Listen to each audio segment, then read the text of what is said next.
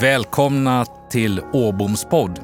Ja, det är dags för avsnitt nummer 46. Och jag sitter återigen i min, inte i min, men jag kallar den nästan, jag har varit här så många gånger, i den här härliga poddstudion i Stockholm och får förmånen att återigen träffa en spännande gäst och samtala med ett ämne som jag brinner för och, och det är framförallt ledarskap. I det eh, vill jag också säga att vi, vi kommer att utveckla naturligtvis att lyssna om, om vilka drivkrafter som den här personen har gjort eh, i sin resa, vad det är som ligger bakom och inte minst hur det är i de olika roller som mina gäster har haft. Så det är fantastiskt kul att återigen få säga varmt välkommen till dig som lyssnare till Åboms podd. Och det här det är också ett avsnitt med eh, bolagsstyrning. Ja, vi kallar det lite grann för en special edition, nämligen good governance. Jag har ju ett samarbete med Styrelseinstitutet som brinner för det här med bra bolagsstyrning och det ska vi komma in till och ställa lite frågor och samtala med dagens gäst. Ja, det är ju som ni vet ingen intervju, det är ett samtal. Det är ju inget scoop jag är ute efter och jag tror att dagens gäst tycker det är väldigt skönt att jag inte är en journalist som ska leta eller gräva efter någonting. Mina gäster ska känna sig riktigt trygga och komfortabla och ett av mina målsättningar utöver att naturligtvis du som gäst ska tycka att det här är ett riktigt bra samtal, lärorikt, det är att mina gäster ska gå härifrån och säga den där stunden i poddstudion hos Åbom var riktigt värdefull. Så jag hoppas att vi idag ska vara riktigt generösa i vårat samtal och att du som lyssnare gillar det.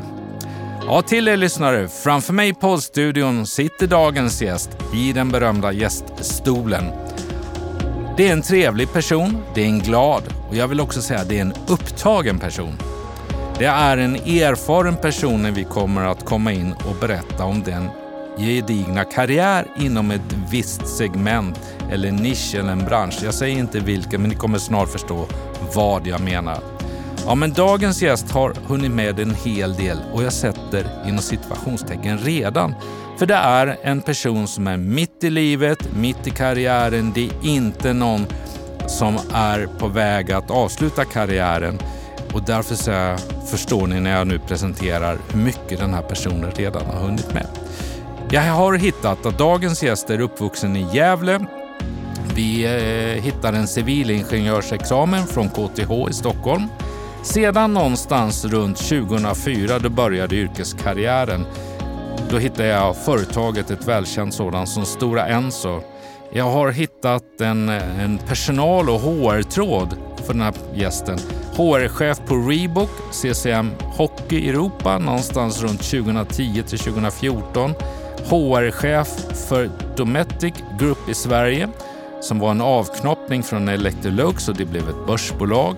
Jag hittar HR-chef på Elekta i Sverige.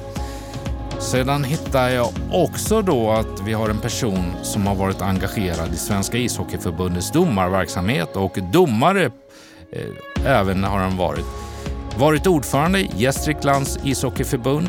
Idag är min gäst styrelseledamot i Trygghetsrådet, styrelseledamot i Sveriges olympiska kommitté. Idag är min gäst också styrelseordförande för Arbetsgivaralliansen 2014, nej inte 14, utan 2004 klev dagens gäst in och blev ledamot av Svenska ishockeyförbundet. Och sedan 2015 är dagens gäst ordförande i Svenska ishockeyförbundet. Dessutom sedan 2021 ledamot i Internationella ishockeyförbundet. Ja, minst sagt en imponerande resa så här långt mitt i livet. Med det så säger jag varmt välkommen till ingen mindre än dig, Anders Larsson. Tack så mycket för det och jag blir nästan tagen av summeringen du gör. Ja, den, jag har fångat en hel del av din resa. Ja, det kan man säga. Ganska väl också. Ja. Eh, Anders, eh, vi ska vara öppna och ärliga till våra lyssnare. Så att, ja, vi känner varandra inte. Eh, vi har några gemensamma bekanta eh, i, i, olika eh, positioner vi har, som, som jag vet vi följer eller samarbetar med. Jag har hört eh, spännande om dig så jag är väldigt nyfiken på att få samtala och, idag med dig i studion här om naturligtvis eh, ledarskapet, vilka drivkrafter du har. Men jag kommer ju också vilja veta lite grann om skillnader i ledarskap och ditt sätt att jobba när vi pratar om näringslivet kontra den idrottsliga rörelsen och så här. Så det ska bli intressant att lyssna. Det här är ju ett samtal så att jag har inte hundra frågor. Jag har några, men eh, jag är verkligen, du ska verkligen få, få dela med dig av din resa och dina erfarenheter. Men innan vi går in lite på djupet på de delarna, Anders, så för mina lyssnare kan väl du själv berätta och fylla på den där CV-presentationen då. Vem är Anders Larsson? Ja, tack för det. Och som sagt det känns jättespännande att vara här. Och svaret på vem man är kan ju väldigt ofta handla om vad man har gjort. Precis som du drog en, min CV-lista, eller vad vi ska kalla det, så tycker jag det är också väldigt viktigt att fundera över vem är man som person och vad har präglat mig och vem är jag? Jag får den frågan ganska ofta faktiskt i olika sammanhang. Och, eh, så här med några mer år på nacken än tidigare så har jag kommit fram till att jag tror det har betytt otroligt mycket för mig, var jag kommer ifrån. Vilken typ av hem, i vilken miljö har jag vuxit upp? Och när man blickar tillbaka så kan jag se att, jag, att min farfar var engagerad i arbetarrörelsen hela sitt liv. Eh, min morfar var engagerad i IOGT-NTO på den tiden. Tittar vi Eh, nästa generation, Så min far har varit idrottsledare och engagerad som förtroendevald inom idrotten en väldigt stor del av sitt liv. Och min mor, fortfarande knappt 75 år gammal, är engagerad i kommunfullmäktige och kommunstyrelsen hemma i Gävle. Och jag säger hemma i Gävle för det precis som du sa tidigare så är det Gävle jag kommer ifrån. Och det där skickar någon slags summering tror jag vad jag kommer ifrån för typ av uppväxt. En uppväxt som präglas väldigt mycket av av ett större engagemang än bara familjen och jobbet, att det finns någonting större. Föreningslivet, samhället och hela den delen tror jag har eller inte bara tror, jag känner och vet verkligen att det, det har präglat mig, att jag kommer från en sån familj. Jag har också vuxit upp i en väldigt trygg familj där eh, vi barn, jag och min bror, fick väldigt mycket, eh, vad ska man säga, tillit. Vi fick prova saker. Eh, det skapade liksom en trygg miljö. Så jag sitter här idag som en väldigt trygg människa. Så liksom, och, och, och, det betyder väldigt mycket, inte minst kopplat till de uppdrag jag har idag, där det ibland faktiskt blåser till, saker ifrågasätts, så känns det otroligt värdefullt att känna den här tryggheten och stabiliteten och ha båda fötterna på jorden. Så det är väl några saker som har betytt väldigt mycket för mig. Sen som sagt var jag växte upp i Gävle och idrotten och ishockeyn har betytt så mycket för mig på så många sätt. Inte minst de här åren som hockeydomare. Att vara där ute på planen och försöka skipa rättvisa och och inte alltid eh, blivit uppskattad. Det man gjort, är inte det det enklaste uppdraget man kan ha, vara domare på en ishockeyplan? Ja, jag brukar säga det ibland, så att som hockeydomare har man ju aldrig eh, några hemmamatcher. Och när man gör kanske sitt livsmatch, då har mm, spelare och publik inte märkt att man har varit där. Så det är ett väldigt speciellt uppdrag, men det har också varit med och präglat mig en hel del. Mm. Jag läste eh, ganska nyligen, eh, när vi spelade in det här poddavsnittet, så läste jag ganska nyligen om, om en domare i Italien som grät i spelargången eh, på fotbollsarenan. Han var bortdömt mål för Milan och så vidare. Så det är klart att det finns väl känslor även för en domare misstänker jag, som vare sig som du sa har borta eller hemmamatch. Ja, det är en, dels är det ett otroligt kul sätt att verkligen vara med i sporten. Man är ju på isen där det händer. Och också på något vis att skipa rättvisa i, i i en match som kanske gäller väldigt mycket och där det finns mycket känslor på planen och vid sidan av banan. Och det, det är ju en, det är också en slags ledarskap verkligen, att utifrån de regler som finns försöka se till att matchen avgörs på ett rättvist sätt. Absolut. Spännande. Vi kommer tillbaka säkerligen till det här med domare eller skippa rättvisa och så vidare. Eh, något mer ifrån din resa fram till idag? Du pratade om trygg miljö, trygg person och, och, och föreningslivet, samhället som har funnits med. Ja, något som jag funderar på ofta och tänker på själv idag, idag är jag 44 år och lite mitt i livet som du, mm. du sa i den här fina introduktionen, det är faktiskt hur många fina ledare som på den här resan hittills har sett mig, som har gett mig den här uppmärksamheten, den här klappen på axeln och som har trott på mig. Och det är något jag försöker ta med mig, för det skulle jag vilja vara, och framförallt ju äldre man blir, att verkligen uppmuntra nya ledare. Att få nya ledare att våga. Jag hade inte suttit som ordförande i Hockeyförbundet eller flera av de andra rollerna om det inte hade varit ledare under den här resan som verkligen har uppmärksammat mig, uppmuntrat mig och kommit med några kloka ord på vägen utan att för den delen gå in och styra, utan mer uppmuntra. Så det, det är väl något som har gjort att jag har de här rollerna idag. Att jag har fått uppmärksamhet på vägen. Och det, det, det vill jag verkligen ta med mig själv som sagt var i min fortsatta resa och gärning och ledarskap. Något som absolut slår mig när jag förberedde vårt samtal och när jag nu har möjlighet att sitta här med dig och basera på den resa du gör. Så du har varit i näringslivet.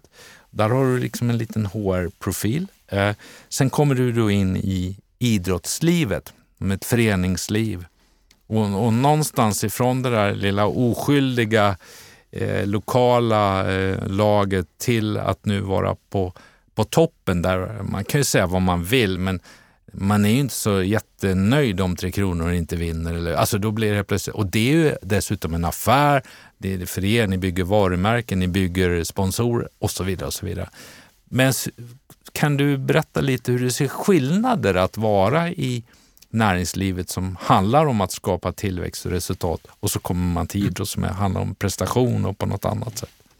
Det är klart att båda de perspektiven innehåller komplexa avsnitt och många typer av utmaningar. Men på något vis i den kommersiella logiken eller näringslivslogiken så, precis som du säger, är det ganska tydligt att det är ju affären, affärsresultatet och, och vinst till ägarna. Det är ett ganska tydlig, tydligt uppdrag på något sätt. Kliver man in i idrotts-Sverige, i alla fall i den kommersialiserade idrotten som hockeyn är, då brukar vi ofta numera prata om en slags eh, hybrid. Det vill säga att det finns ett kommersiellt perspektiv. Jag menar, du nämnde just Tre Kronor och ta hela landslagsverksamheten och elithockeyn. Det är en väldigt tydligt kommersiell del affärsmässig del i den delen. Men i grund och botten, i, i, i hörn nummer två på, vår, på den här hybridtriangeln, så vilar ju verkligen den ideella grunden. Föreningen, medlemskapet, ideella ledarskapet med den logiken. Och sen i det tredje hörnet i den här hybriden finns samhällsperspektivet. För idrotten har ju en sån otrolig eh, samhällsroll. Och det som är, jag tycker liksom det här hybridlivet är fascinerande, men det gör också ledarskapet så komplext. För ta bara den enkla skillnaden mellan att, att leda ur ett kommersiellt perspektiv. Då är ju på något vis ekonomin målet och verksamheten medlet. Om man gör det väldigt enkelt. Medan i det ideella perspektivet på något vis i föreningen, då är det ju precis tvärtom. Då, ska man ju, då är verksamheten målet och man ska göra så mycket verksamhet det går för pengarna. Och sen då som sagt var det tredje perspektivet, samhällsrollen. Så att jag, ledarskapet inom en kommersialiserad idrott är väldigt komplext. Men, men det är också det för min egen del som är något av drivkraften och tjusningen. Att kunna hantera de här olika logikerna och ändå komma framåt. Jag vet inte om det var svar på frågan, men jo. det är ändå en... Ja, men jag förstår det. Och om jag säger då, lägger på ytterligare en dimension dimension och då säger jag att leda, att kommunicera. För en stor del av en vd-roll eller en ledarroll idag handlar ju också om att kunna kommunicera med sitt team, sina medarbetare, sin organisation. Mm. Och då kan jag, men jag har ingen aning, men nu ställer jag frågan. Ser du stor skillnad i att kommunicera inom då eh, ishockeyförbundet eller ut till alla alla, alla idrottsföreningar. Och sen det är ju inte bara, du har ett mellanskikt där också som heter regional, nej de heter inte regionala förbund utan Distriktsförbund, Distriktsförbund har vi, vi har även regionala förbund faktiskt ja, okay, i ishockeyn. Så ja, vi har många nivåer. Ni har nivåer där. När du, å andra sidan, och det är ideellt då, hur når man ut? För att, jag menar, eh, i ett företag har du olika digitala kanaler för att nå ut och träffa medarbetarna och så vidare. Ja, det är jätteintressant tycker jag att du tar upp just ledarskap och kommunikation och lägger dem precis bredvid varandra. För att jag tror i vilket typ av ledarskap som helst, om det så är en liten HR-grupp på ett, bo, ett vanligt bolag eller om det är hela hockeyrörelsen, så ledarskap och kommunikation hänger verkligen ihop. För att det handlar ju väldigt ofta om att få, liksom, få människor att förstå vart vi är på väg, att känna sig en del utav det, att förstå och kunna utifrån det som sägs också, också kunna bilda sin egen uppfattning. Vad tycker jag? Är det här, verkar det här vettigt och lämpligt? Och, så att kommunikationen är ju verkligen eh, avgörande och samtidigt är det otroligt svårt idag. Inte minst i tider utav eh, sociala medier. Mycket går så snabbt, det kan sättas igång. En till synes liten fråga kan, på morgonen kan vara jättestor efter lunch. Och, och vi jobbar ju väldigt mycket försöker jobba strategiskt men också liksom mer eh, aktivitetsbaserat faktiskt. Att verkligen försöka nå ut i vår rörelse. För att i ett bolag, som du var inne på, så kanske man, där har ju de, där har ju de som är verksamma där betalt.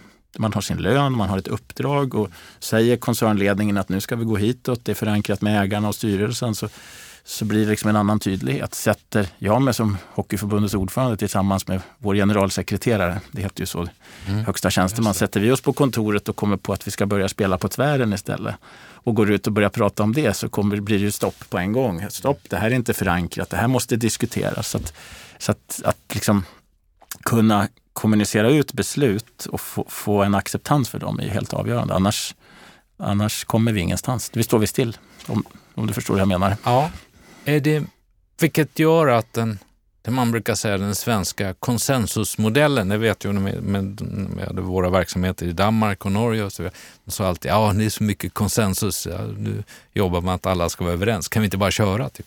Men det är väldigt mycket att försöka få alla att vara med och förstå de här delarna eh, mm. för att kunna göra en förändring. Eller? Det kan väl säga, alltså min, en av de stora utmaningarna men också möjligheterna i rollen som Hockeyförbundets ordförande, det är ju faktiskt att på något vis försöka hitta, inte bara en minsta gemensamma nämnare, utan en gemensam nämnare som innebär att vi går framåt.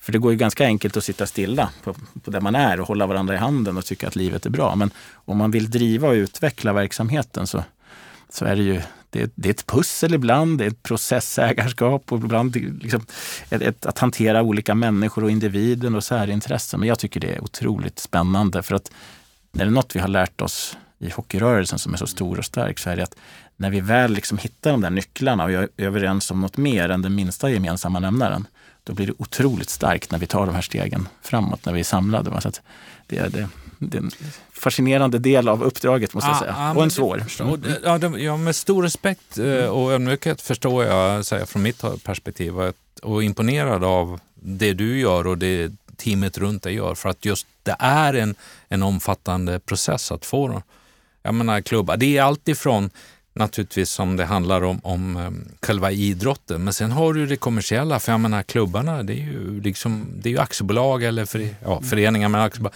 Men det är ju en resultaträkning som också ska fungera för att kunna avlöna eh, kansli och inte minst spelare och, mm. så vidare. Mm och klubbar som verkar i, jag menar vi jobbar ju tillsammans i svensk ishockey för hockeyns utveckling. Men när man kommer ut på isen då tävlar man ju mot varandra. Och det finns så ja. många, många dynamiker ja, och parametrar. Ja, man sitter där och ska vara överens med nästa så vill man tvåla till någon Ja, för då, vill man ju vinna serien eller mästerskapet eller framförallt inte åka ur kanske. Mm. Mm. Så det blir, blir många intressekonflikter kanske man inte ska säga, men det finns många särintressen som om man inte lyckas hantera det klokt som organisation så kan det leda till splittring och oenighet. Det gäller liksom att försöka hitta de här nycklarna eller gemensamma nämnarna som inte bara blir de minsta gemensamma nämnarna.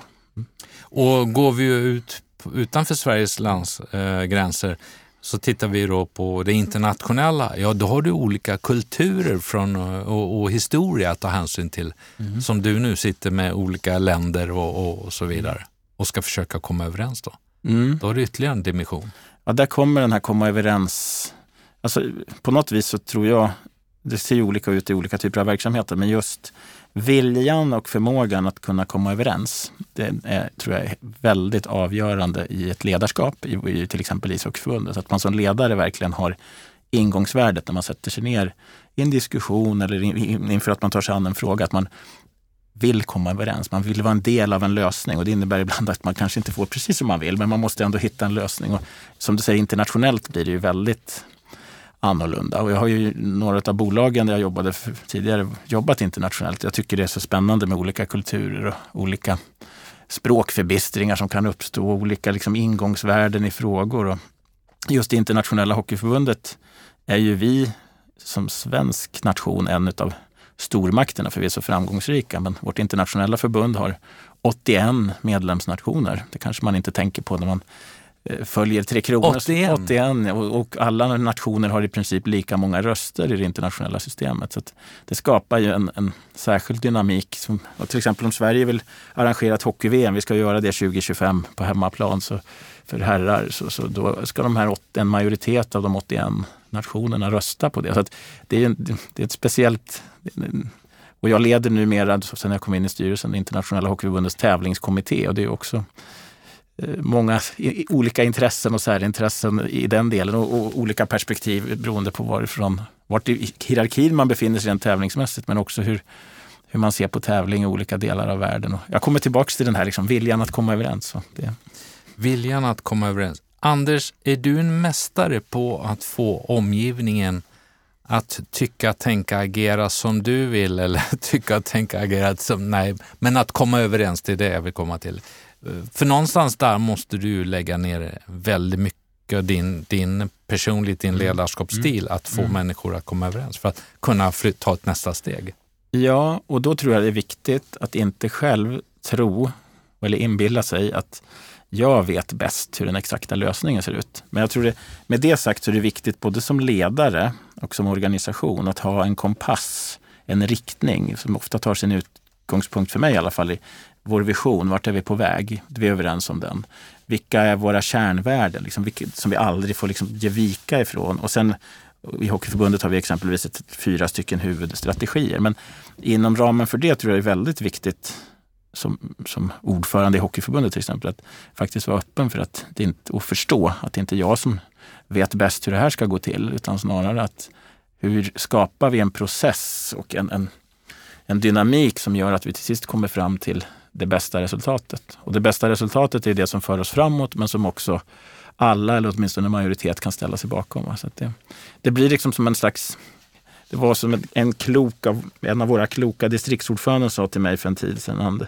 Anders, du undrar, det heter ju ordförande men du kanske skulle kallas för processmästare, sa han och klappade mig om axeln lite grann, eller på axeln lite grann. Och det, jag funderade, vad menar han egentligen? Men det, det, är ju väldigt mycket att få den här demokratiprocessen, att, att det inte stannar av. För får man låsningar, då, då står vi still. Då, då, blir det minsta gemensamma nämnare istället för bästa gemensamma nämnare. Liksom.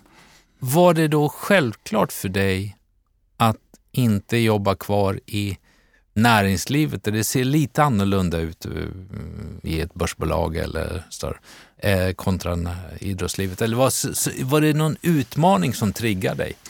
Jag kan ju säga så här att, att dygnets timmar räcker inte till. Jag är ju arbetande ordförande i Hockeyförbundet idag och dygnets timmar räcker inte till. Men hade dygnets timmar varit eh, 48 istället för 24 eller om jag på något vis hade dubbel kapacitet så hade jag alla dagar i veckan jobbat kvar på Elekta. Ett jättefint bolag med ett tydligt naturligtvis affärsintresse men också just det bolaget eh, jobbar jobbar med cancerbehandling, att rädda liv. Vilket fint syfte. Och det jobbet innehöll verkligen de ingredienser som jag går igång på och ville ha, men i ett näringslivsperspektiv. Så den bästa av världar hade både och gått. Nu gick inte det och jag valde naturligtvis med hjärnan men också med mitt hockeyhjärta.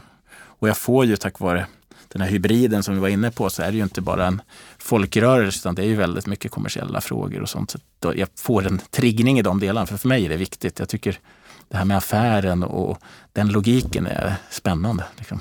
Mm. Men är det ett kall nu? För jag menar, jag, när jag tittade på, eh, på, på de, de uppdragen du har, när vi försökte hitta en tid ändå, ja men då, nej, då är jag där, då, är det, då var det junior eller någon VM för, för flickor där, jag är där, då är det där. Bara, känner bara, wow, han är överallt hela tiden. Och eh, jag hade ju fotbollsförbundets generalsekreterare här. Det är ju inte så att mejlen slutar på fredagen klockan fem och komma, eller smsen, och sen plingar det på klockan åtta på måndag igen. Utan det snurrar ju på något sätt. Mm. Nej, men jag brukar säga det lite slarvigt ibland att den här typen av uppdrag blir som en livsstil. Mm. Därför att det är ju på kvällarna och helgerna där våra ideella ledare ägnar sig åt ishockey. De har ju vanliga jobb eller håller på med annat på dagarna. Så det är väldigt mycket aktiviteter på kvällar och helger. I min roll är det väldigt mycket relationer med också de som jobbar på dagarna. Ta bara politik, eh, andra förbund och annat. Så det blir på, på något vis en slags livsstil och jag tycker väldigt mycket om den. Jag kommer från hockeyn, har ägnat en så stor del av mitt liv åt det. Men det är viktigt också, och det funderar jag på ganska ofta faktiskt, att hålla isär så att inte hockeyordförandeskapet och den livsstilen helt plötsligt blir mig. För det är väldigt viktigt att Anders Larsson, människan Anders Larsson och privatpersonen är någonting annat. För annars så tror jag att det kommer bli väldigt svårt för mig, för inte minst den dagen jag ska sluta. Jag måste, det där det funderar jag på ibland, för det, det, blir så påtagligt när man har de här uppgifterna, att man, liksom, man är sitt uppdrag mm. dygnet runt. Mot från man exempelvis som du säger jobbar 8 till 5 så kan man hänga av sig kavajen eller, eller rocken och så går man hem och är privatperson. Här flyter det verkligen ihop. Och det där, det, jag allt mer faktiskt börjat reflektera över att jag inte får tappa bort mig själv i det här. En privat fråga. Eh, domare, de har skridskorna på sig. Har du också haft skridskorna på dig för att spela hockey? Nej, inte tyvärr. Och det var så att mina föräldrar flyttade till Gävle när jag var 12 år. Brorsan är två år yngre. Och Gävle är ju en hockeystad och som jag sa, min far har varit engagerad i idrotten en lång tid. Att, och klasskompisarna höll på. Så det var liksom på något vis att ja, men såklart jag vill vara med också. Men tyvärr då, och det ser ju tyvärr ut så på många ställen idag också, är det svårt att komma in i hockeyn när man är 12 år. De andra har tränat så mycket mer och kan åka skridskor och skjuta och passa. Och, så jag försökte där, åkte på lädret som man säger och vinglade runt och hade svårt att komma in. Men jag var inne tidigare på att det har funnits ledare som har sett mig eller uppmärksammat mig. Och precis där och då fanns det också ledare som sa, nej men Anders, det, det, det, blir svårt att komma in och bli spelare, men vill du inte bli tränare eller domare? Och då kom jag på att det här med att vara domare, det kanske inte var så men kul. Jag provar och på den vägen vart det. Så att, och så, på så sätt har jag varit med. Så jag har faktiskt inte spelat. Det kan ju låta jättekonstigt att Hockeyförbundets ordförande aldrig har spelat hockey, men, men det är sant. Nej, men det kan vara en klok eh, bakgrund också på den delen. För du har verkligen sett att, och, och, förstått vad det innebär att inte då någon kommer, nej men han eller hon passar inte. Istället så säger de, ja men han eller hon passar inte för just den, men kan få den rollen istället. Mm. Och det är ju ett ledarskap som du fick uppleva där, att någon såg dig och, och på den vägen tack vare den personen eller de personerna som då är ute, så har vi då en, en, en ledare för Svenska Hockeyförbundet som faktiskt har gjort resan på det här sättet och har en annan erfarenhet och andra ögon. Och när du kommer, det du tangerar nu tycker jag är så viktigt för mig och det handlar inte bara om någon slags ledarskapssyn utan också en människosyn. Mm. En väldigt grundläggande värdering för mig det är eh, med alla människors lika värde. Det betyder inte att vi är lika värdefulla i alla positioner. Jag menar, ta bara exemplet att någon skulle få för sig att jag skulle coacha något av våra landslag eller för den delen spela. Det ska jag såklart inte göra. Men att alla, det finns en plats för alla människor och en ledarskapet är väldigt mycket tycker jag, kopplat till att försöka hjälpa och vägleda människor att hamna på ställen där de trivs, är bra och fungerar. För då, då blir det också det bästa för organisationen, men det blir också människor som trivs. Det är roligt att göra det man tycker är roligt och ofta är det det man är bra på. Mm. Men det, och då måste man också vilja se alla människor, för alla har något, någon eller några platser där man faktiskt är bra och där man trivs. Mm. Alla kan bidra en, ja. om, om, om man hittar rätt plats, position så att ja. säga, i det här. Ja, det, mm. Delar. Jag tänker på media. Uh, vi hann bara beröra det lite kort med över en kopp kaffe innan vi började samtalet här i poddstudion. Men jag hittade, ja men den ena delen är, ehm, ja då står det om omfattande bojkott av spel från Damkronorna. Andra är det eh, positivt på kajen vid Stockholm där det just det lanseras då ishockey-VM 2025 herrar spelas i Stockholm. Eh, Anders Larsson svarar på kritiken efter de inställda mästerskapen kring det här. Sen kunde jag inte låta bli att hitta en bild från Almedalen på dig och en annan poddgäst, nämligen Jonas Bergqvist som har varit här hos mig. Eh, väldigt mycket media i din roll. Mm, det är det. Och det handlar väl också om ett, ett ledarskap, det är ett kommunikativt ledarskap, ett kommunikativt, kommunikativt ansvar som du har, eller hur? Mm. Ja, vi var inne på kommunikation tidigare och media är ju verkligen en jätteviktig kanal för oss i hockeyn. Vi är ju så populära. Vi är ju tillsammans med fotbollen de två mest populära idrotterna som engagerar så många. Och det märker man när det går bra mm. och det märker man när det går dåligt, höll jag på att säga. Och, och, det är klart att en del av rollen och ledarskapet är att vara i media och trivas med det. Och det gör verkligen jag. Och sen lär man sig med tiden. Liksom och, och så men, men man måste liksom gilla det och inte känna oro för. Och det, det kommer jag tillbaka till. Jag var ju ledamot i vår styrelse i 11 år och bland annat ordförande i det som heter tävlingsnämnden. Och då var det media någon gång ibland och då kommer jag ihåg att jag kunde ha lite sådär ont i magen och fundera, undra vad som skrivs om det här imorgon. Men på något vis, och det säger jag inte för att det ska låta bra, men sen den dagen jag blev ordförande där i juni 2015 så har det varit väldigt många intervjuer.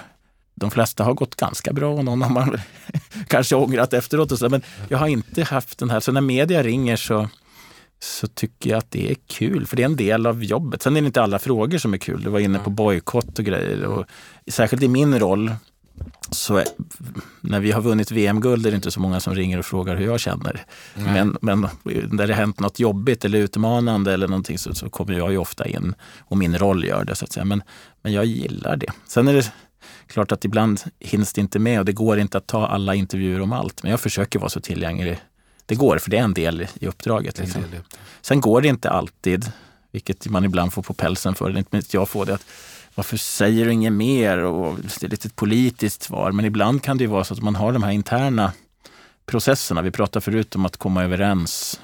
Att mm. ta något istället för minsta så tar man bästa gemensamma nämnare. Och då kan man ju ha ett antal interna processer som kan ta stor skada mm. av att man externt börjar prata om dem samtidigt som det finns ett sånt externt intresse kring vad vi gör. Så den där balansgången är ganska svår och ibland jag, har jag fått på pälsen i media till exempel för att jag är lite för rund och så, men det har hjälpt processen och, och på något vis måste man ändå sätta verksamhetens resultat före. Liksom, på något vis. Men det, det, det är en balansgång där. Men summa summarum gillar jag ju Sen inte allt som skrivs och det skrivs en hel del om mig som person och, och det raljeras och det är lite satir och man får liksom ta det för vad det är.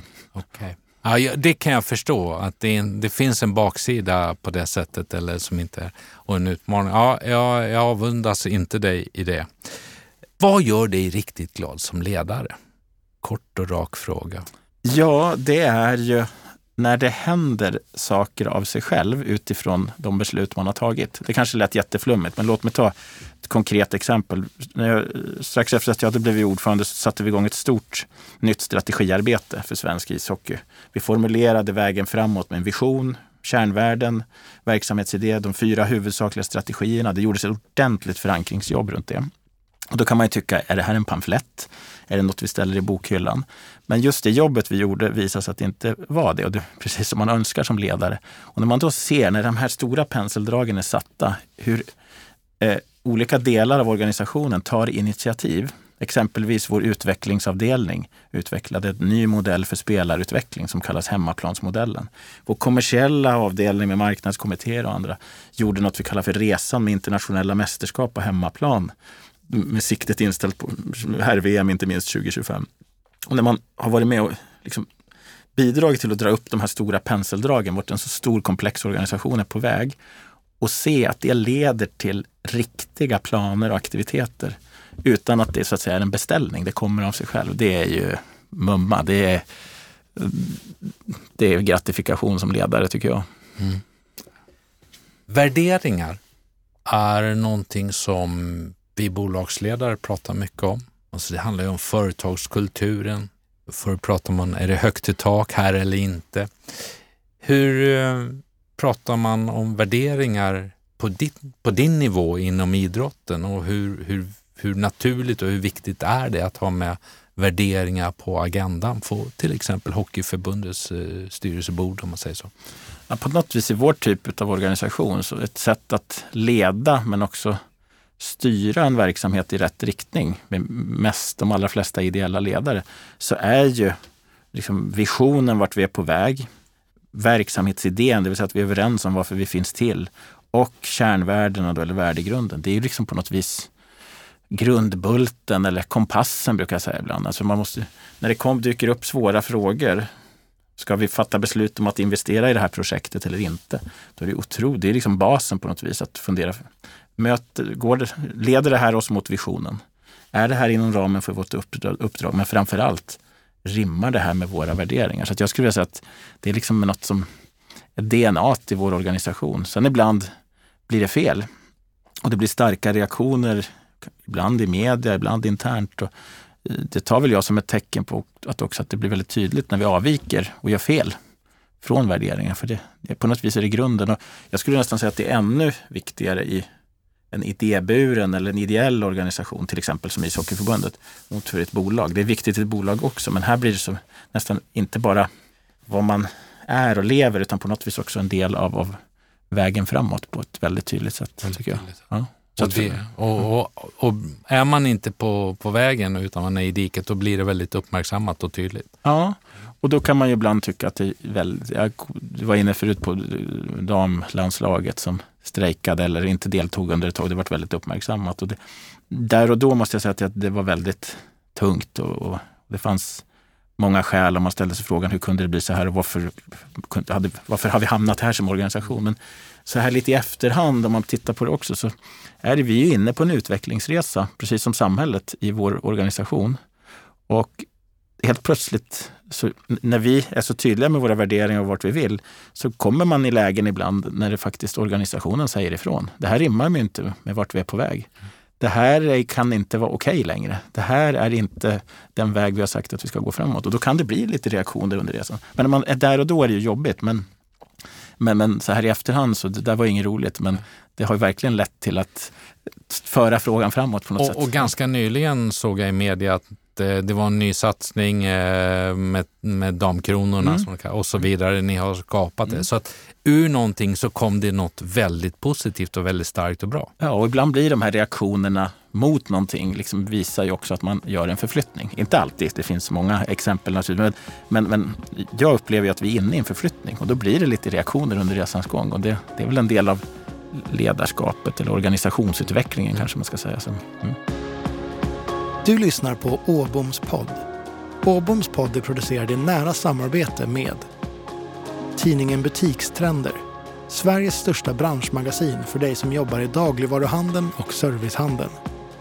Styrelseinstitutet. För dig som önskar hjälp med utbildning och rådgivning inom styrelseutveckling och bolagsstyrning. Och Red Means Go. En professionell studio för poddar och ljudböcker med personligt engagemang. Det där blev en alldeles utmärkt övergång då när du säger organisationsutveckling, Anders, in på det avsnittet där vi pratar lite grann om good governance, som, eh, som jag sa i inledningen. Då. Good governance, det handlar egentligen om en förflyttning, eh, kan man säga. Alltså egentligen så, så styrs institutets strategi och filosofi kring detta är liksom att, ja, men det är att gå från låt gå till en medveten styrning. Det är från att ja, men det blir vad det är till ett systematiskt arbete. Från jaget till laget, att gå från mållöst till målstyrt och att gå från okontrollerbart till utvärderingsbart. Och det här fungerar ju, är ju högaktuellt både om man pratar om en ideell verksamhet Eh, eller en, en näringslivsverksamhet i de här delarna. Och då kan man väl säga att styrningens treenighet, alltså, det finns ju ägare eller uppdragsgivare och så finns det en styrelse. Sen finns det ju då en ledning och de ska ju samspela de här i de här delarna. Och vad, vad är din erfarenhet då från vad som gör samspelet att det blir på riktigt? Nu är du en arbetande styrelseordförande, det har du inte varit hela tiden, men, men du har, och du har distrikten, du har uppdragen där, ni har det parlamentariska. Vad, vad kan du ge för exempel och tips på det? Ja, alltså först och främst tror jag det är viktigt att göra när man pratar om good governance, jag har varit med i lite olika styrelser och sammanhang, när det blir väldigt teoretiskt och det ska fram policies och olika saker. Och naturligtvis är det viktigt, men för mig handlar good governance liksom mer om att strukturen är satt. Att vi är överens om vem gör vad i vår organisation. Det vill säga lite slarvigt då, man säger ägarna kanske, om vi tar Hockeyförbundet, det är ju, det är ju medlemmarna hos oss. Då. Vad beslutar våra röstberättigade medlemmar? Vad har de ansvar för? Vad ska de följa upp? Och sen naturligtvis styrelseperspektivet och sen det operativa eller ledningen. Och, och min erfarenhet är att det här är svårt. Och man ska ha väldigt stor respekt för att det är svårt. Men i grund och botten bygger det på en tydlig struktur som jag ser det. Men sen också en, en respekt för den strukturen och en förståelse för den. Det är ju väldigt lätt, ta bara mig själv som ordförande, att jag kan ju väldigt lätt om ramla in och börja ha synpunkter på både det ena och det andra när det gäller det operativa och helt plötsligt tappa bort min möjlighet tillsammans med mina styrelsekollegor att utvärdera den operativa ledningen. För har jag varit en del i det så kan jag knappast leda utvärderingen. Mm. Och lika, det är ju samma relationer egentligen mellan stämman då, eller ägarna eller medlemmarna. Så att, så att strukturen och sen också respekten för att man ska hålla sig i sin låda lite grann. Och sen att det där naturligtvis hänger ihop. Och I vår organisation är ju nyckeln liksom, eh, dialogen och kontakten mellan, mellan mig som ordförande och vd eller generalsekreterare som det heter. För i vår organisation så är det inte alltid så tydligt vilka frågor som hör hemma var. Det kan vara väldigt tydligt i ett bolag, men hos oss kan några medlemmar tycka att en, en för oss ganska operativ fråga är av väldigt stort intresse på en stämma till exempel. Så mm det blir ett laborerande, så det kräver stor samarbetsförmåga, men, men den här respekten för det där. Jag vet inte om det är svar Jo, på frågan, eh. men jag tycker det, det är värt att prata om och så göra det enkelt. Vi har gjort så hos oss att vi väldigt enkelt har, det går att göra good governance hur svårt som helst, men, men det svåra är väl kanske att göra det enkelt. Vi har gjort någon bild ibland och sagt att stämman eller ägarna, de svarar på varför. Alltså varför finns vi till? Alltså då är det typ stadgar, visioner och sen styrelsen på något vis ansvarar för vad? Utifrån varför, de här varför-frågorna. Vad är det vi ska göra? Och sen ledningen, hur? Hur gör vi det här? Hur får vi nu liksom... Och det, det har varit en modell, väldigt förenklad, men som har gått att använda. Så jag tror, försök göra good governance enkelt. Det är svårt, men det, Skulle du, om du skulle få skicka med till våra lyssnare några konkreta tips, en, två eller tre, vad det gäller good governance. Skulle du, nu har du pratat om några här vad ni har gjort, men om du skulle summera det, vad är det bästa du skulle skicka med från din erfarenhet? Ja, för mig är det att skapa en struktur där man är överens om vilka frågor som hanteras var och hur de nivåerna utvärderas. Nummer två, prata om det ibland. Det kommer in nya människor och så, så att, man liksom, att det där blir en, en levande fråga. Så att det liksom inte är ett jobb man gör och sen parkerar man det i, i någon fin broschyr som står i en bokhylla. Utan, så strukturen, prata om det ibland och sen liksom ja, hjälps åt i, i de här delarna. För inte minst i, det, som sagt var, i en i ideell organisation så är det ibland inte alldeles lätt att sortera in. En fråga kan helt plötsligt bli aktuell på alla tre nivåerna i vår typ av organisation. Det är lite grann, brukar slarvigt säga ibland att som ho- hockeyordförande är jag kommunalråd i hockeykommunen och då måste man kunna svara på varför cykelstället står på vänster sida om gatan och inte höger fast inte jag har hand om det. Liksom så att den där dynamiken behövs också. Den Mm. dynamiken. Och då när jag tänker på idrott, man brukar säga idrott och politik, så har jag skrivit idrott och många viljor. Alltså hur svårt kan det inte vara för dig i, i, och, och dina, ditt team så att säga, i de här att hantera det? Eh, För jag menar, i näringslivet finns det en struktur eh, på ett annat sätt. Jag menar, i idrottslivet, då har vi det vi har pratat om lite grann. Det är både ett kommersiellt eh, som ska funka, men det är också föreningslivet. Och sen har du det rena föreningslivet, kanske där, där det kommersiella inte alltid är, är det viktigaste. Men jag menar, hur mycket måste du tänka, agera och leda och hur mycket skiljer det här åt för dig? Ja, det är ju ett... Det var en bra fråga, men det, jag fund, lägger ofta, när vi har stora komplexa frågor, lägger en hel del tid på liksom att försöka fundera igenom hur lägger vi upp den här frågan eller processen? Hur, hur angriper vi den här på ett klokt sätt? För att det, det är ju, som sagt var, vissa frågor går ganska enkelt, men vissa, och vi har tagit ett par lite större frågor som verkligen engagerar på de senaste åren här. Och då, då är ju själva angreppssättet och metodiken att försöka få med alla och för, vara överens om att det behöver göras. Men sen är det det här jag sa förut, viljan att komma överens är så viktig och då, i det ligger ju också att alla kan inte få exakt som de vill. Jag brukar lite slarvigt ibland säga att, att är någon väldigt nöjd i en fråga så är det någon som är väldigt missnöjd. Det gäller att hitta den där balanspunkten eller den där, vad ska man säga, jämvikten där, där, där det är tillräckligt bra för alla men att vi ändå går framåt.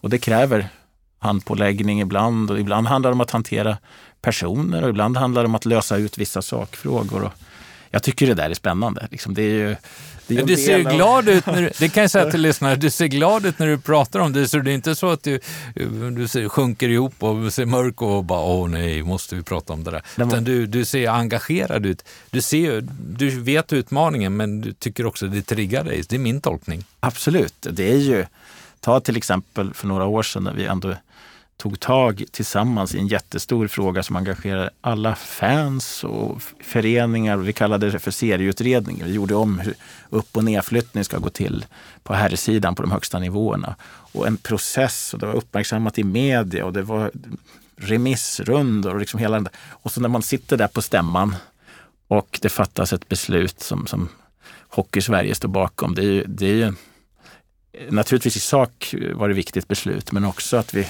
liksom att fick ihop hela den där processen. Det, det, Man somnar med ett leende då på kvällen? Ja, Efter... det måste jag säga. Men också med vetskapen att eh, precis i den frågan som många andra var inte alla helt nöjda. Men alla var så pass nöjda så att man kunde besluta om det. Och det, det ja. Får man som Hockeyförbundets ordförande mejl eller sms från spelarna också? Eller är det, det så är, fungerar det inte, utan de, de håller sig till det idrottsliga och sköter det?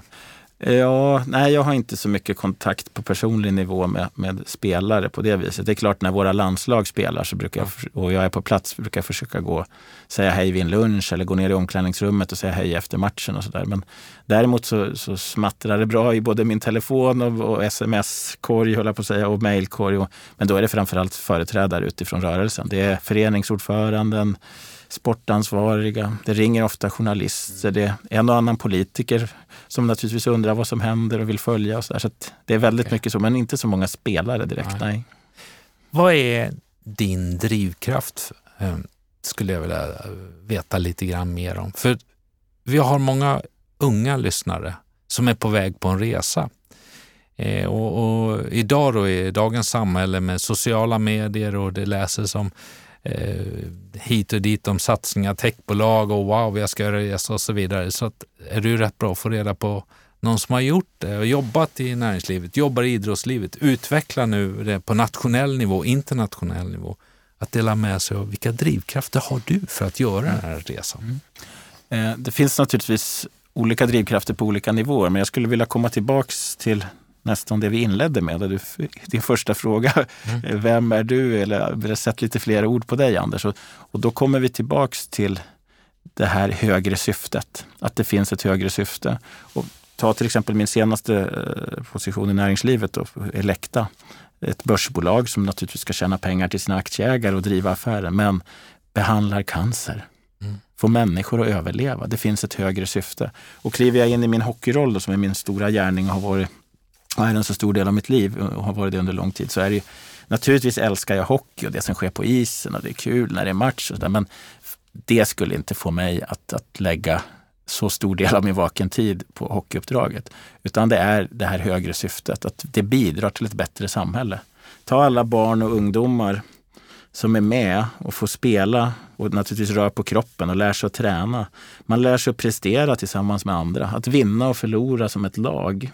Man lär sig om föreningsmodellen. Och det kanske inte betyder att man ska bli engagerad i en fackförening, men man kanske köper en bostadsrätt och helt plötsligt är det bra att veta hur en förening funkar. Vi vet ju också att de som inte spelar, men som kanske går och tittar på hockey.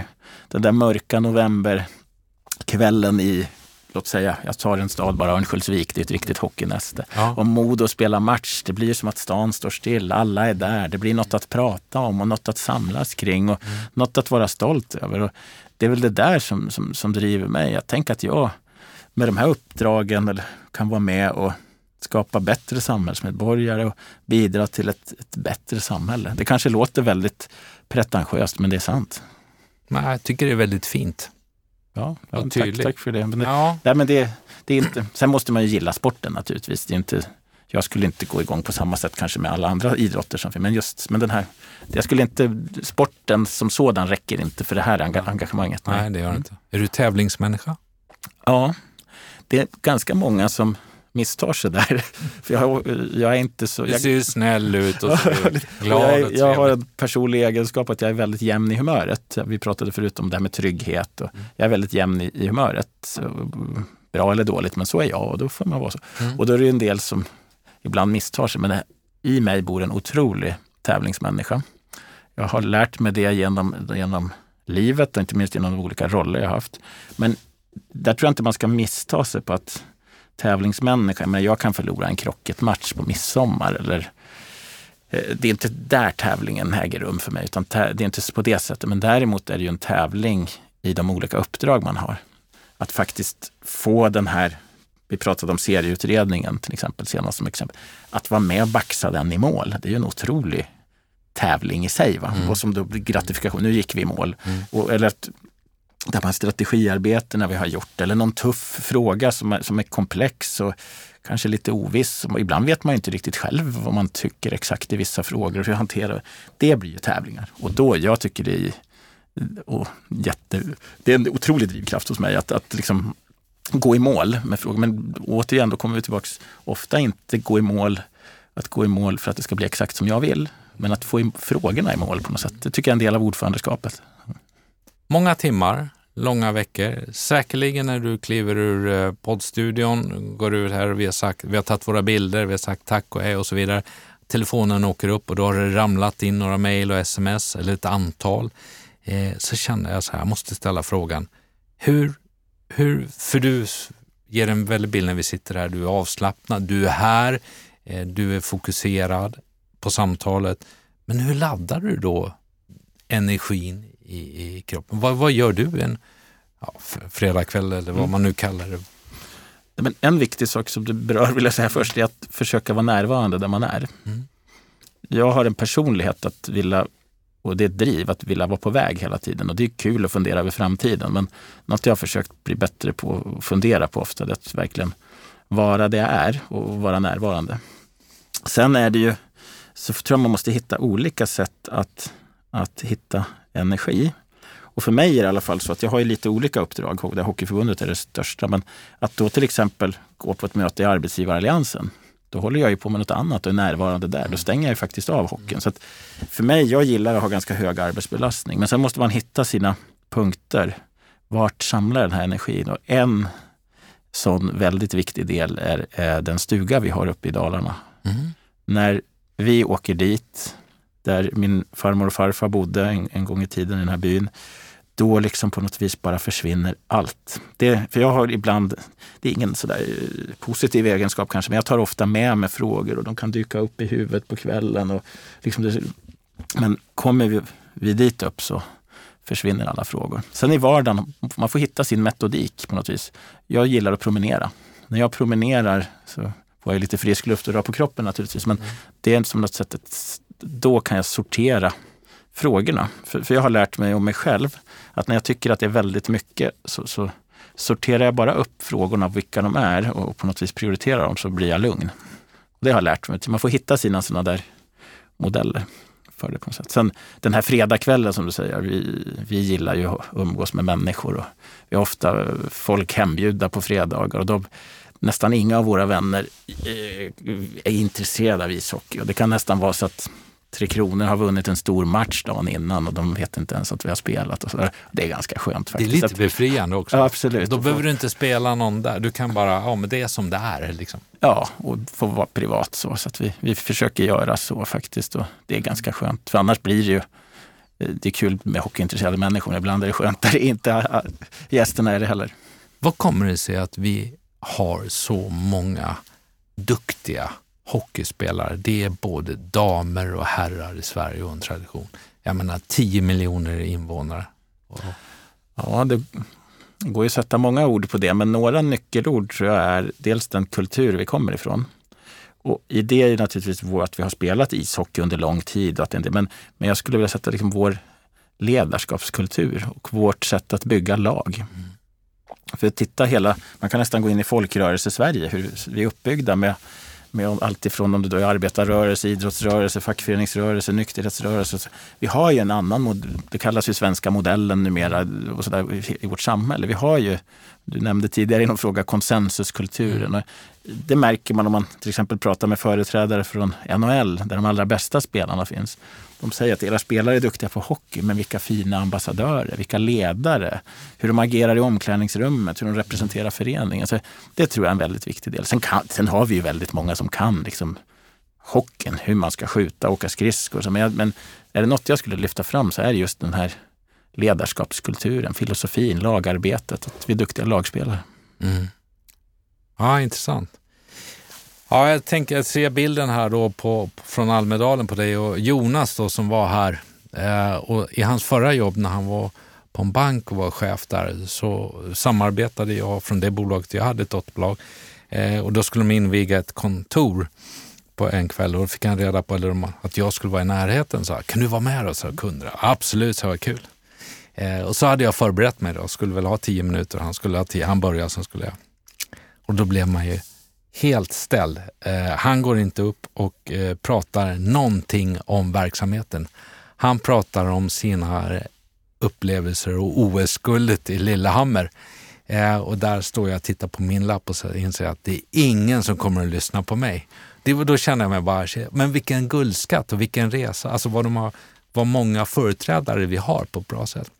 Då kan jag bara en anekdot. Jag rev den där lappen på väg upp på scenen och ur hjärtat tog jag något helt annat för det var den där chansen att, att klara det kanske jag pratade. Och jag faktiskt fick någon som kom fram efteråt och sa det där var intressant.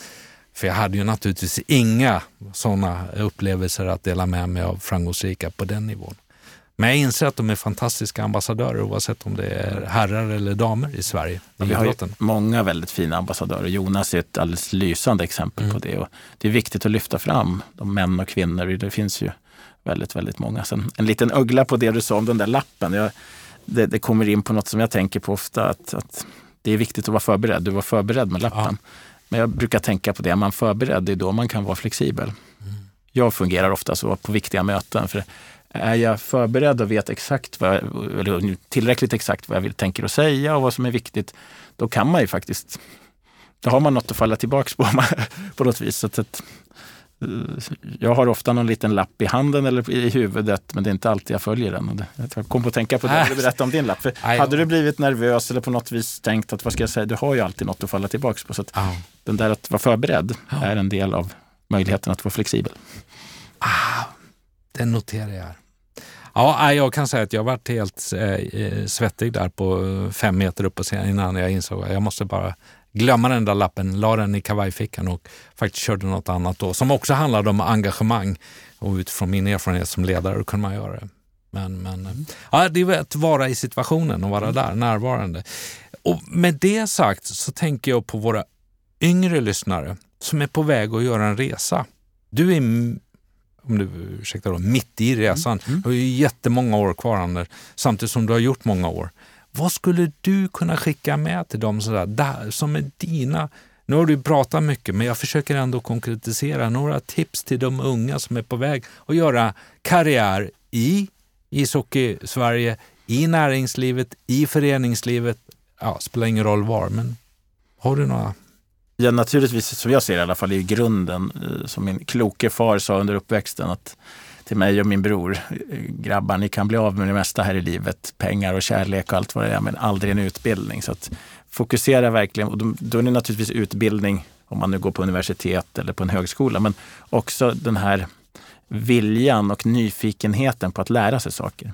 Det tror jag eh, det har varit viktigt och det kommer vara så viktigt i framtiden i ett samhälle som förändras mycket mer.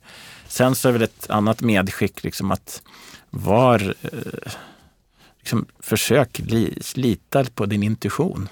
För det är ju så mycket roligare att göra saker som man är bra på och som man trivs med. Jag möter väldigt ofta människor, jag har varit mer av det själv tidigare och jag har fortfarande det, att man fokuserar så mycket på det man inte är bra på så man nästan glömmer bort allt som man är bra på och därmed tycker det är roligt. Så det är väl ett medskick. Försök om du funderar på vilket är mitt nästa jobb? Vad vill jag jobba med? Eller vart kan jag komma till min rätt? Så lägg lite tid på vad, apropå det vi har pratat om, drivkrafter. Vad går jag igång på? Ungefär som jag kom, kom tillbaka till för min egen del, att en väldigt viktig drivkraft för mig är ett högre syfte. Och därför till exempel då, ja, hockeyn, är ju hockeyn då hela samhället, men den här flytten, när, när jag fick möjligheten, blev erbjuden ett jobb på Elekta som jag varit mm. inne på inte vilket bolag som helst utan det räddar liv. Och så. För mig har jag kommit på att det här högre syftet är så viktigt. Det kanske finns något annat för dig som är individ, men för, lägg lite tid på det. Det, det är väl några sådana här medskick från min, min horisont. Det kanske är lätt att säga. Jag vet ju själv hur det är precis när, det, när, när rektorn gav en eh, examensbetyget på KTH och sen tänkte herregud, vad, vad, vad, ska jag ta vägen nu? Det hade varit så utstakat innan med tentor och, och, och kurser och allt. Och så vad ska jag göra nu? Det, det, det, är inte så lätt, men jag tror ändå, försök liksom att, om man kan, komma tillbaks till det där. Att nyfiken och lära sig saker, lita på dig själv, fundera på vad, vad du tycker är roligt. För det blir så mycket, du får göra saker du är bättre på som är roligt. Mm. Jag hör att jag har en gäst idag som eh, verkligen har ett tänk och som har reflekterat över sin egen person och att komma till rätta så att säga, med den kompetensen ute i de verksamheterna min gäst är, Anders. Det lyssnar jag. Jag tycker jag fångas av det, väldigt intressant. Och då tänker jag på hur mycket tid lägger du över att reflektera vad du har fått med dig? För du ser, jag har ju skrivit en del här nu, eh, i, av din resa. Och hur mycket tid lägger du för att reflektera över hur du kan få ut det till ditt team, till, till Hockey-Sverige?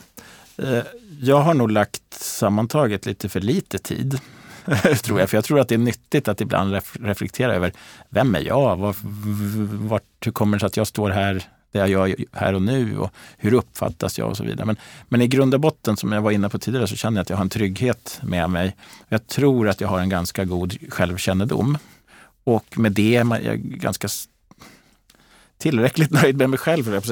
Man gillar ju inte alla sidor av sig själv, men man får in, liksom, på något vis leva med det och den man är. Men med det sagt måste man fortsätta att utvecklas. Och jag tycker det är jättespännande. Ta bara nu det här senaste, när jag blev invald i internationella hockeyförbundet och ska leda tävlingskommittén med alla intressen. Det blir liksom en, man kan inte leva i den här gråzonen hela tiden, men det, men det är ett, ett utvecklingsintresse. Men, men, för mig är det så viktigt att ha den här tryggheten. Och det är väl ett, apropå vi pratade om unga lyssnare här, mm. att det är ju svårt. under mina HR-jobb har jag också jobbat med många nya chefer och sådana program för nya chefer som tar väldigt stort fokus på självkännedom och självbilden. Vem är jag? Hur uppfattas jag? Det där tror jag är jätteviktigt för att lyckas. Mm. Mm. Vad är ditt stora fritidsintresse? Du får inte säga ishockey nu. Nej, och det är lite konstigt. Det har ju liksom varit mitt fritidsintresse som på något vis har blivit inte bara jobbet utan hela livet. Du sa ju en stuga kan det ju vara möjligtvis då, men det... Ja, faktiskt är det eh, stugan och vi har gjort väldigt mycket själv där.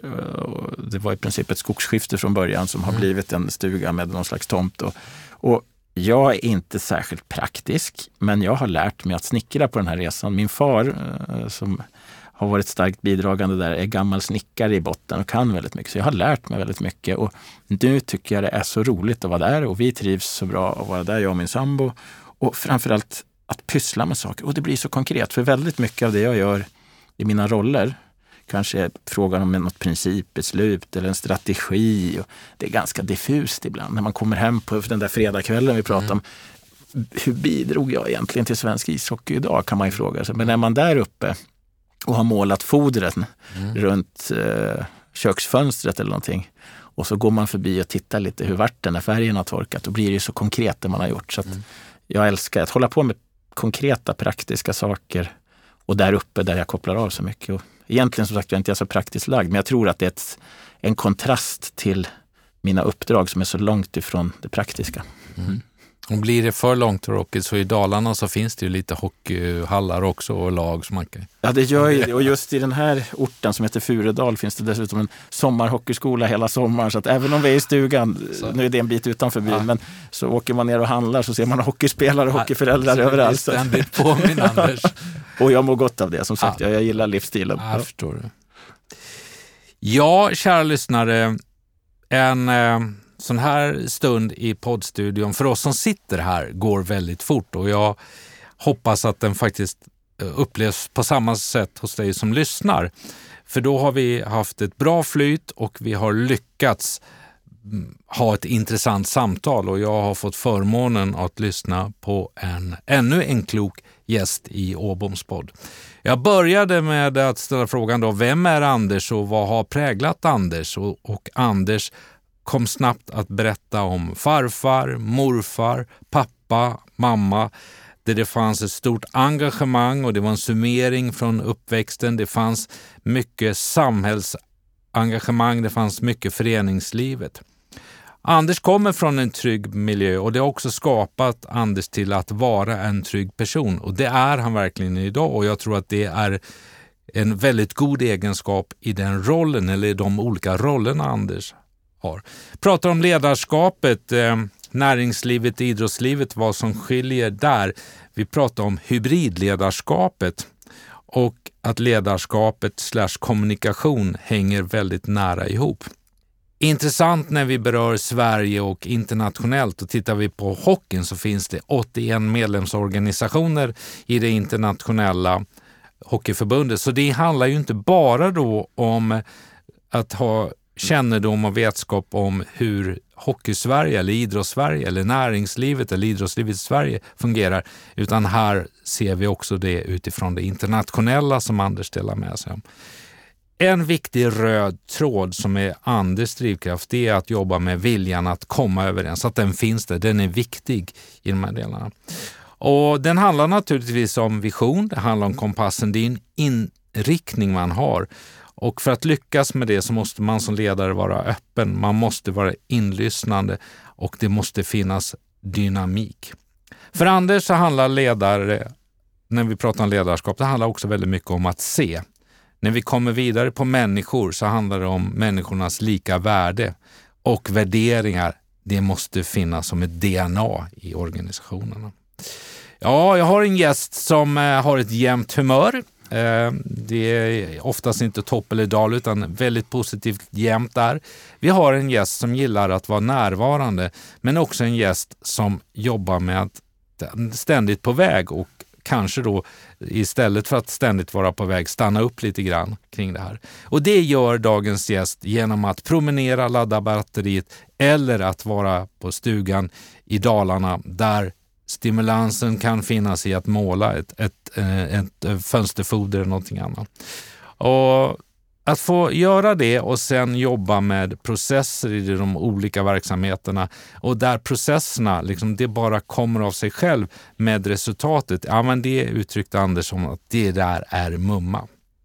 För det är en del i nämligen att leda en verksamhet. Det är en del i att ha en, en organisationsstyrning eller en bolagsstyrning. Och där var vi inne på avsnittet Good Governance, nämligen se till att det inte får bli för teoretiskt, samtidigt med stor respekt att det är väldigt svårt.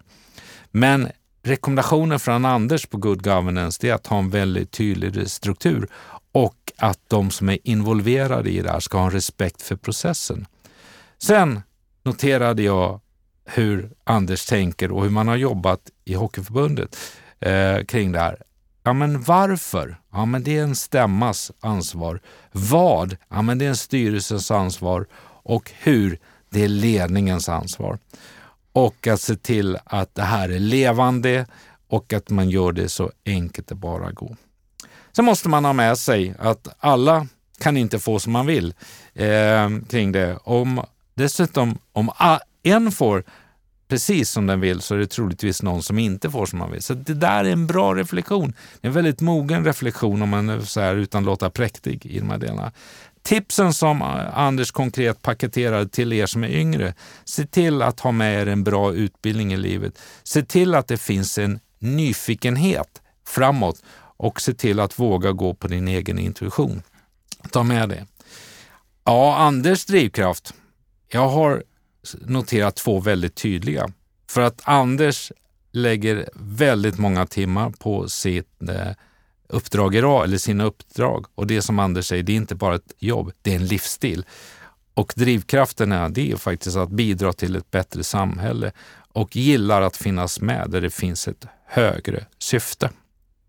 Att vara förberedd gör också att vi som människor och vi som ledare kan vara flexibla och jobba med och gör din hemläxa att hitta dina drivkrafter, för då har du möjlighet att tillföra din organisation det bästa av dig själv.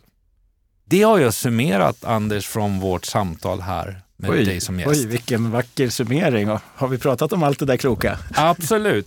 Eh, väldigt spännande att få ha dig som gäst och höra hur du tänker och vad du har samlat med dig på din resa. Och jag blev än mer nyfiken på att liksom sitta och lyssna på, på resan framåt sen. Mm. Ehm, och det får jag väl göra i media eller på något sätt se vad det tar vägen då kring de här delarna. Men jag tycker det har varit väldigt intressant och eh, stort tack för att du i ditt schema satte av en stund för att komma till Åboms podd, Anders. Och stort tack för att jag fick vara här. En väl investerad timme. Tack! Ja, härligt.